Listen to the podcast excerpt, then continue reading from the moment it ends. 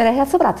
Teil on täna suurepärane võimalus kohtuda Martin Kadaiga, mehega, keda te mäletate kevadise koroonakriisi ajast. nimelt tema oli see, kes tõi teile värskeid sõnumeid Terviseametist ja selgitas, kuidas asjaolud päriselt on. tere päevast! tere päevast! suur rõõm jälle näha. sama.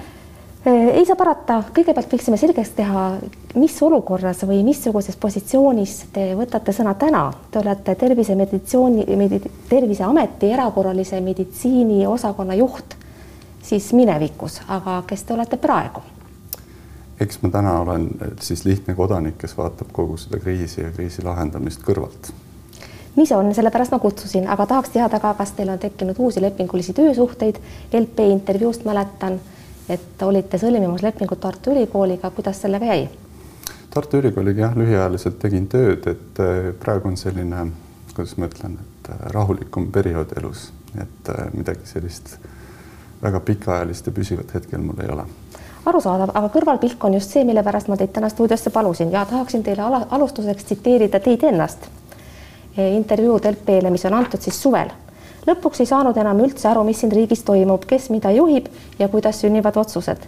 juhtus see, mis ühes kriisis juhtuda ei tohi, algas paralleeljuhtimine. ehk siis te lahkusite Terviseametist, visates päris e, teravad kivid valitsuse kapsaaeda, iseloomustasite ka ministreid sõnadega naljakas ja hale naljakas. kas tänaseks on olukord muutunud, kas tänane, tollane kriitika valitsuse suunal on soovitud mõju avaldanud? kui kõrvalt vaadata, siis mõningast mõju on avaldanud, et äh, ma arvan, et kõige suurem mõju võib-olla on see, et Terviseametit on hakatud rehabiliteerima ja, ja selle üle on mul tegelikult hea meel, et äh, terviseametil on keskne roll selles kriisis ja väga oluline roll, et, et kui üks ametkond on sattunud nagu ühiskonnas ja võib-olla ka valitsuse vaates kriisis kriitika alla, siis sealt midagi head tulla ei saa. kriiside edukas lahendamine ikkagi põhineb koostööl ja, ja vähemalt näiliselt ma näen, et sellist noh, sellist kriitikat nagu oli kevadel Terviseameti suunas täna ei ole kuidas kõrvalt paistab, teie lahkusite Merilo, Merike Jürilo tuules ja tegelikult äh, ütlesite ka tookord seda, et valitsus Terviseameti pani kohe alguses infosulgu ja ka ei kuulanud seda, mida Terviseametil oli öelda. ütlesite, et ei tahtnud olla tuim käsutäitja. kas peaks järeldama, et praegune Terviseameti uus juhtkond on siis kuulekas käsutäitja? Ma ei saa neid hinnanguid anda, sest ma ei tööta täna Terviseametis, ma ei tea, kuidas otsused täpselt sünnivad, kes kuskil tasandil otsuseid võtab, et, et see oleks minu, minu poolest või minu poolt nagu meelevaldne selliseid järeldusi teha. aga see, mida ma kirjeldasin kevadel, minu hinnangul vastas tõele ja ma jään oma sõnade juurde siin, et tegelikult ähm, riigil on siin mõttekoht kuidas järgmistes kriisides paremini teha, sellepärast et äh, kui see kriisi järeldus äh, põhineb ainult selles, et äh, probleemid olid Terviseametis või, või siis Terviseameti üksikute isikute põhised olid need probleemid siis see on liiga lihtne järeldus, et, et sel juhul võiks ju selle kriisi lõppenuks lugeda, sest need isikud on lahkunud Terviseametist, aga, aga kriis kestab edasi. kriis kestab edasi, haigestumisnäitajad on hullemad, kui nad olid kevadel, oleme näinud viissada ja rohkem haigestunud päevas, mis on oluliselt rohkem, kui kevadel oli. samas jääb mulje, et valitsusel on teha kõike muud, kui tegeleda tervisekriisiga. see on jällegi kõrval, ühe kõrvaltvaataja mulje kuid ähm, kui see haakub ka teie arusaamaga asjast, siis mis võiks olla selle põhjus? üldjoontes ma olen kevadest saati toetanud äh, sellist lähenemisstrateegiat, nagu täna üritatakse ellu viia. küsimus on selles äh, elluviimise kvaliteedis. ehk äh, selles, selles olukorras, selles uue viiruse tulekul ongi kaks valikuvõimalust, kas äh, rakendada seda strateegiat, et paneme riigi lukku, haigestumine läheb alla, teeme jälle lahti, haigestumine läheb üles, paneme uuesti lukku. ehk niisugune üsna robustne lukku panemine, mis põhineb siis käskudel keelamisel ja ühiskonna tegevuse sulgemisel, et äh, ma arvan, et see ei ole hea lahendus, ma olen kevadest saati toetanud sellist kohanemisstrateegiat. Ehk tegelikult viirustega tuleb õppida elama ja see sõnum tegelikult oli juba kevadel. ma isiklikult ütlesin seda korduvalt välja, ütles seda näiteks professor Lutsar välja. ja sai ka üsna varakult tegelikult seda avalikku ootust juhitud, et see viirus ära ei kao. ehk et õpime selle viirusega elama. ja, ja, ja selles suhtes täna jah, see põhimõtteline suund, mina toetan seda põhimõttelist suunda, et me ei pane ühiskonna lukku, me proovime kohaneda aga võib-olla see lahendusskeem ei ole kõige parem, mis täna, täna, täna no toimub. aga valitsus ju ähvardab meid kogu aeg, iga päev, peaaegu iga päev räägib Tanel Kiik, kui rahvas korralikult käituma ei hakka, jõuluvana ei tule, päkapikud ei käi, noh, kui ma nüüd natukene liialdan, et see on selline kurja, tõreda lapsevanema suhtumine inimestesse, kas see peaks olema siis õige? Eks see on osa kommunikatsiooni sellisest taktikast ja kommunikatsiooni ähm, sõnumitest, aga sellega loomulikult ma olen nõus, et tuleb olla ettevaatlik, sellepärast et ähm, ega selline lõputu heidutamine, hurjutamine ei tööta. inimesed ei vaja täna nagu lõputult heidutamist ja hurjutamist äh,, inimesed vajavad lahendusi ja tegelikult valitsus peaks siis, riik tervikuna peaks pakkuma lahendusi ja selgitama, miks üks või teine asi on lahendus ja ja, ja, ja samal ajal ei ole lahendus. et, et selles suhtes noh, siin ongi, kui ma, kui ma ütlesin, et ma toetan põhimõtteliselt sellist lähenemist, et me proovime hoida nagu sellised baasvõimekused tugevad ehk et hea kommunikatsioon ja avalikkuse teavitamine, hea seire, me saame aru, mis haiguse levikuga täna toimub. meil on Terviseamet tugev, kes teeb nakkusahelate üle siis omab ülevaadet, kontrolli, nõustab ja, ja ka tervishoiusüsteem on tugev, et need baasvõimekused on tugevad ja meil on ka lahendused, kuidas neid veel tugevdada. Ja. kas meil tänase seisuga need lahendused ikkagi on olemas, meditsiinisüsteemist kostab järje enam, järjest enam hääli, et me oleme tegelikult üsna viimase võimekuse piiri lähedal. võime jõuda juba jõuludeks olukorda, kus me peame hakkama piirama plaanilist ja isegi erakorralist ravi rääkimata siis psühholoogilisest toetamisest ja kõigest muust, millest puudu on juba kevadest saati. ehk siis äh, kus, kus me võime omadega olla jõuludeks? no siin, siin ongi see koht, kus tegelikult riik võiks olla aus ja öelda ausalt välja selle, et mina saan selle nagu kõrvaltvaataja, võib-olla mul on ka natukene parem arusaamine sellest olukorrast või ma mõistan seda olukorda paremini kui keskmine inimene. et äh, see tervishoiuvõimekuse prognoos, mis tegelikult tehti, oli optimistlik. see põhines äh, võib-olla natukene ka valesti arvestamisel. tervishoiutöötajad on täpselt samasugused inimesed, nagu meie oleme, hooldustöötajad on täpselt samasugused inimesed, nagu meie oleme, ka nemad haigestuvad. mingites situatsioonides on vältimatu, et tekib hoolekandeasutuse või, või raviasutuse sisene nakkuse levik mis paneb ekstra pinge alla äh, sealse võimekuse, et me tegelikult täna ei räägi voodikohtade puudusest või aparatuuri puudusest, me räägime inimeste puudusest. ja see ongi võib-olla olnud selle tervishoiu võimekuse plaani nii-öelda noh, liigne optimism on seal sees, me ei ole seda inimressursi faktorit liialt arvestanud. no samas on see ka midagi säärast, millega valitsus oleks pidanud tegelema kõikide oma tegevusaastate jooksul juba palju varem, ehk see ei ole säärane probleem, mida praegu saaks jala, jala pealt lahendada. missugused äh, lahendused sellises olukorras üldse võimalikud on? no suures plaanis tegelikult äh, tervishoiualaste kriiside lahendamine põhinebki selles, et, äh, et sellist ekstra tervishoiuressurssi ju kuskil konserveerituna ei ole. et see tähendabki, et tuleb ümber planeerida ja ümberplaneerimine on ennekõike võimalik plaanilise ravitegevuse pealt. Et, et, et, et teatud piirideni on võimalik äh, mängida sellega, et ühest kohast teise suunata tervishoiupersonali, kaasata vabatahtlikke tervishoiu või hoolduspersonali, aga sellel on omad piirid. nii et, et kui see ikkagi kontrolli alt läheb, siis midagi muud teha ei ole, tuleb alustada plaanilise ravi piiramisega. kui kaugel me oleme olukorrast, kus äh, meditsiinitöötajad peavad hakkama otsustama, kes saab ravi ja kes ei saa ravi isegi vältimatul tasemel? Selliseid otsuseid ja plaane on ju tehtud väga paljudes riikides juba varem ja me oleme, mäletame ju kevadest neid kohutavaid pilte Itaalia haiglatest. kui kaugel on see meist? Andrei Popov räägib siin juba katastroofist ja selle ärahoidmisest, kui kaugel see katastroof meist on ähm,? mul on raske öelda seda, sellepärast mul ei ole neid andmeid täna, mis mul olid kevadel, ma ei ole selle nii-öelda tulipunktis ja ei näe, mis see tegelik olukord siis haiglates on ma arvan, et see oleks täna õige küsimus äh, Terviseameti meditsiinijuhile, kelleks on Urmas Sule, kellel peaks see pilt ees olema ja ütlema, et et, et täna me oleme siin või teises kohas ja me prognoosime ühte või teist asja. et, et päris sellise katastroofina ma nüüd ei näe seda hetkel vähemalt, et, et, et umbes tõesti tuleb teha haigla tasandil osakonnas rasked valikud, kes, kes jääb ellu ja kes, kes võetakse ravile. Et sellist olukorda meil tõesti ei ole, sest see plaanilise ravi ootele panek on teatud puhver, aga see ei tule, äh, see tuleb teatud hinnaga ja see, seal on täpselt samamoodi, tuleb see kaotatud kvaliteetsete eluaastate hinnaga ja, ja noh, mõistlik oleks ka seda mitte väga suures mahus rakendada, vaid võimalusel piirata. Mida öelda nendele inimestele, kelle, kellele tundub, et äh, tegelikult pidi olema ju väga ammu, õigemini vähemasti kevadest teada see, et see niinimetatud teine laine tuleb, valitsus aga tegeles kõige muuga ja tegeleb tegeleb ka praegu peamiselt abielureferendumi ja muu säärasega, vähemasti kõrvaltvaataja pilguga hinnates palju vähem tervisekriisiga, mis on väga akuutne.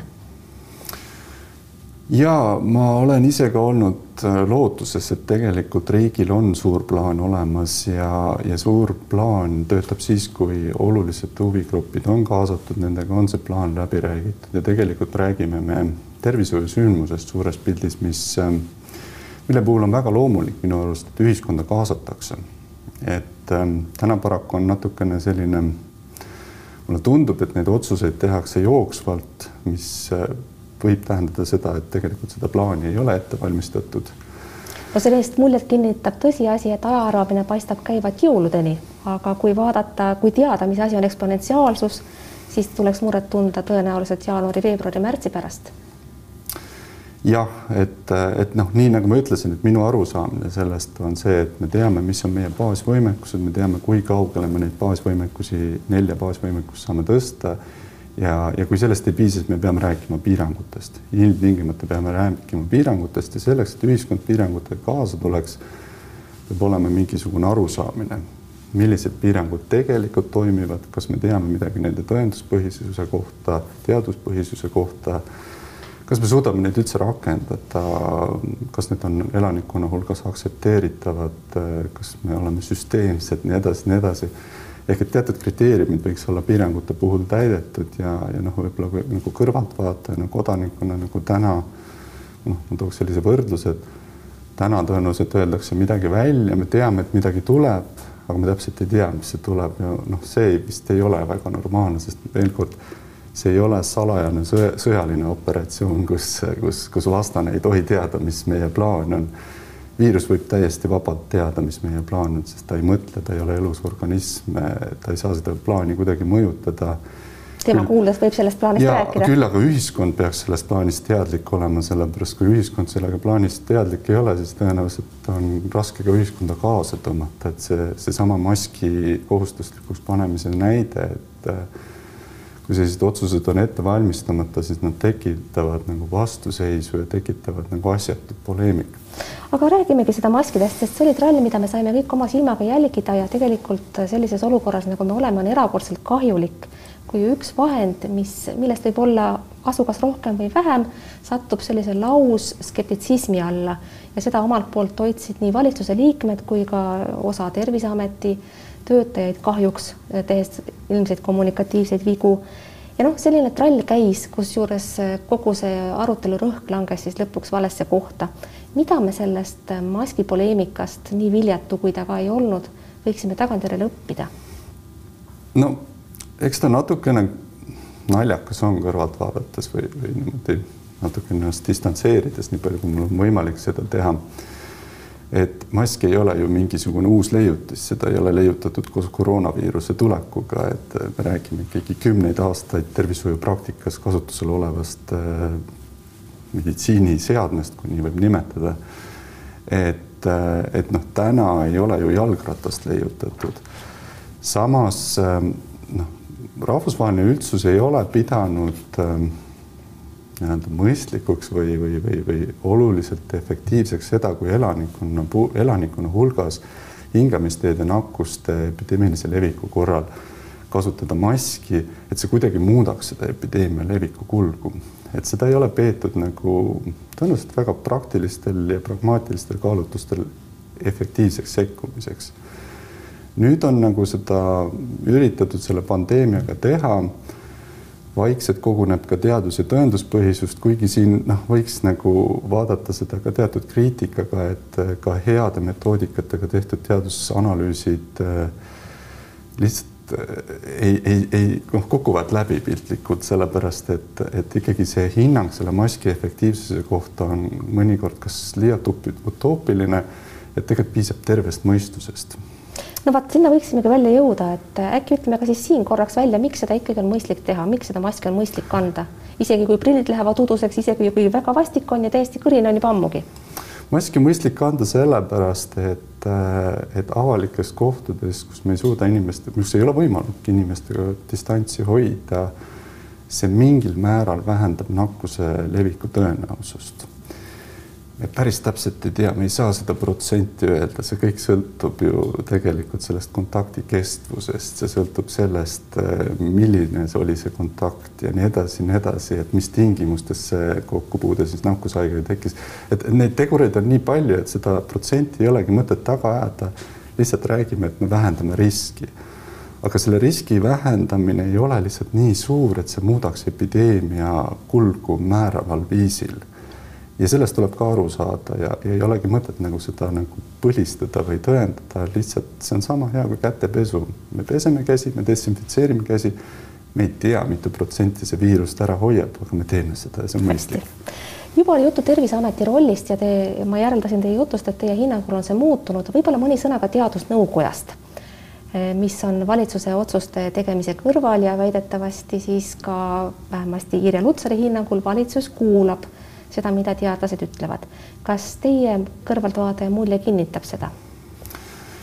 jällegi ma ei ole nende arutelude juures, aga ma näen siin põhimõttelist probleemi ja see on äh, riiklik nii-öelda kriisi reguleerimise juhtimiskorralduse probleem, et, et see on kevadest saati ja see ei ole tegelikult paranenud, et ähm, mina näen seda, et äh, strateegilisel tasandil tuleb teha strateegilisi otsuseid ja valitsus peaks selles kriisis olema strateegiline tasand, rääkima suurtest asjadest, rääkima, kuhu see riik äh, liigub peale seda kriisi, mis suunad on täna juba võetud ja nii edasi, nii edasi. valitsuse tasandil ei pea rääkima reoveeseirest või, või maskide kasutamisest või testimise korraldusest. see on kõik eksperttasand, see on kõik rakendustasand, et, et, et kevadest saati oli selge, et tegelikult teadusnõukoda peaks olema Terviseameti juures seal tasandil lepitakse asjad kokku eksperttasandil ja valitsuse lauale lähevad siis nii-öelda valikuvariandid ja seal tehakse otsuseid. ja niimoodi see praegu siiski ikka veel ei toimi? niimoodi ta täna ei toimi, ikkagi noh, valitsuse tasandil on, on väga sellised peened küsimused, detailküsimused, üksiktasandi küsimused. see oli äärmiselt häiriv juba kevadel ja tegelikult on see häiriv ka, ka, ka hetkel, et, et, et see see on üks õppekoht tegelikult riigile ja ma loodan, et riik tahab sellest õppida. nii minagi. Äh, räägime mõne sõnaga vandenõuteooriatest ja igasugustest äh, laemaalastest üldistatuna. maskivastane meeleavaldus oli meil ära, kuid äh, vaktsiinivastaste meeleavaldused seisavad tõenäoliselt alles ees, siis kui vaktsineerimine aktuaalseks saab ja meieni järjekord jõuab. uuring ütleb, et umbes veerand inimestest ennast vaktsineerida ei laseks kes peaks nende inimestega tegelema? mul on kogemus selle huvigrupiga üle kümne aasta, kui ma Sotsiaalministeeriumis vaktsineerimiskorraldust eest vedasin ja, ja minu jaoks on siit teatud põhitõed välja kujunenud, et kuidas selle huvigrupile läheneda. ja, ja võib-olla esimene, esi- või noh, üks, mis ma siit välja tooks, on see, et äh, tegelikult ähm, inimesi ei tohiks sildistada ja peaks jääma väärikaks, et kõik, kes riiki esindavad ja sellel teemal räägivad, siis peavad jääma väärikaks, et, et noh, kedagi nimetada lamemaalaseks või nagu vandenõuteoreetikuks, et, et see, see, see tegelikult ei ole lahendus, et, et ma arvan, et inimesed väärivad teatud lugupidamist.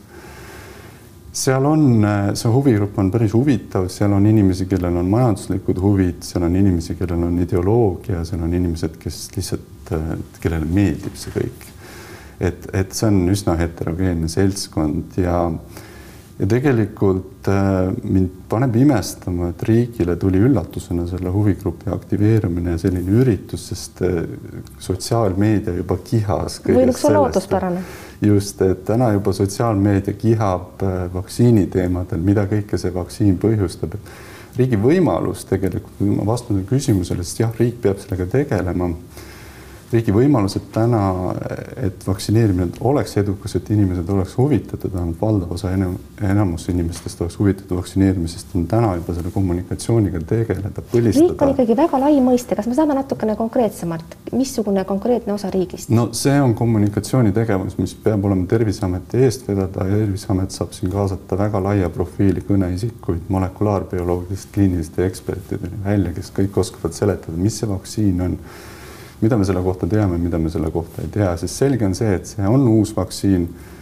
sellele vaktsiinile on antud erakorras müügiluba kiirendatud protsessina, see põhineb uuel tehnoloogial. ehk võrd... siis tegelikult hirmud ei ole alusetud?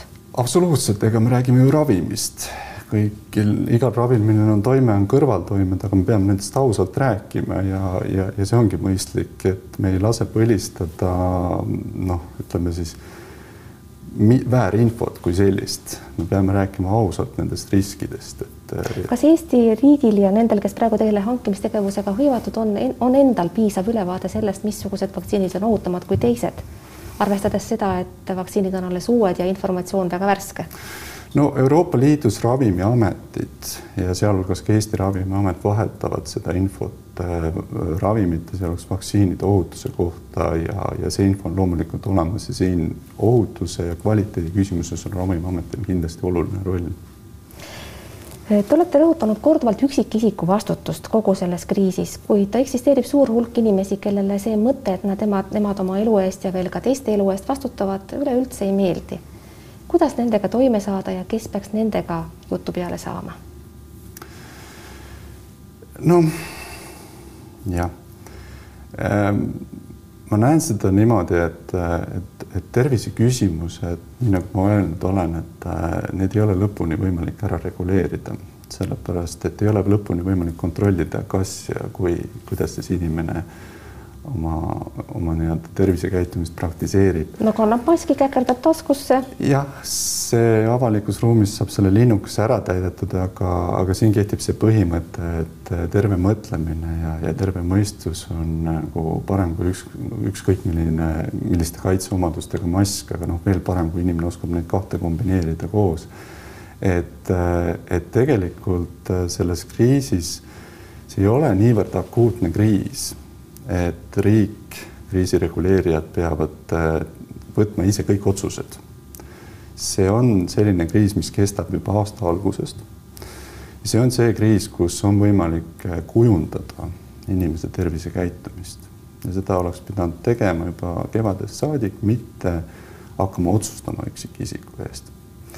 et, et ma ei pea seda õigeks, sellepärast me tegelikult sellest kriisist väljudes tahame, et ühiskond oleks kuidagi mingisuguseid väärtusi juurde saanud, mitte, mitte väärtusi kaotanud, et kriisid on võimalused tegelikult üksikisiku riskitaju ja, ja nii-öelda äh, oskust kriisis hakkama saada, seda kõike tõsta, mitte, mitte õpetada nagu abitust inimesele. minu arust, kui, kui, kui riik ütleb, et mitu meetrit peab vahet olema, millal, kus tuleb midagi teha väga detailideni, siis me õpetame inimesele abitust hästi, lõpetuseks, viimane minut on meil käimas. kui, millal võiks siis ikkagi jõuda kätte see, et kus enam maske ei ole vaja, kus vaktsiin, vaktsineeritud on piisav hulk inimesi, millal nii-öelda normaalne elu taastub, kui kaugel me sellest oleme? No vaktsiini saabumisega kindlasti selline liigne ärevus kaob ära ja siin on palju õppida kahe tuhande kümnenda aasta seagripi epideemiast ja võib-olla see on isegi natukene halb, sest et see ärevus kaob liiga kiiresti ära, et inimesed üldse ei arva enam sellest haigusest midagi. aga me ei tea täna täpselt, et mis läbimurre vaktsiinil saab olema, kas immuunsus, mis tekib, on pikaajaline või lühiajaline, sellest sõltub, kas me räägime pidevalt ringlevast haigusest või haigusest, mis siis mingisuguste mõne aasta jooksul hääbub. väga oleks tahtnud saada konkreetset terminit, aga ma saan aru, see pole võimalik. Martin Kadai suur,, suur-suur tänu stuudiosse tulemast. head sõbrad, aitäh, et te vaatasite, vaadake teinekord ikka jälle.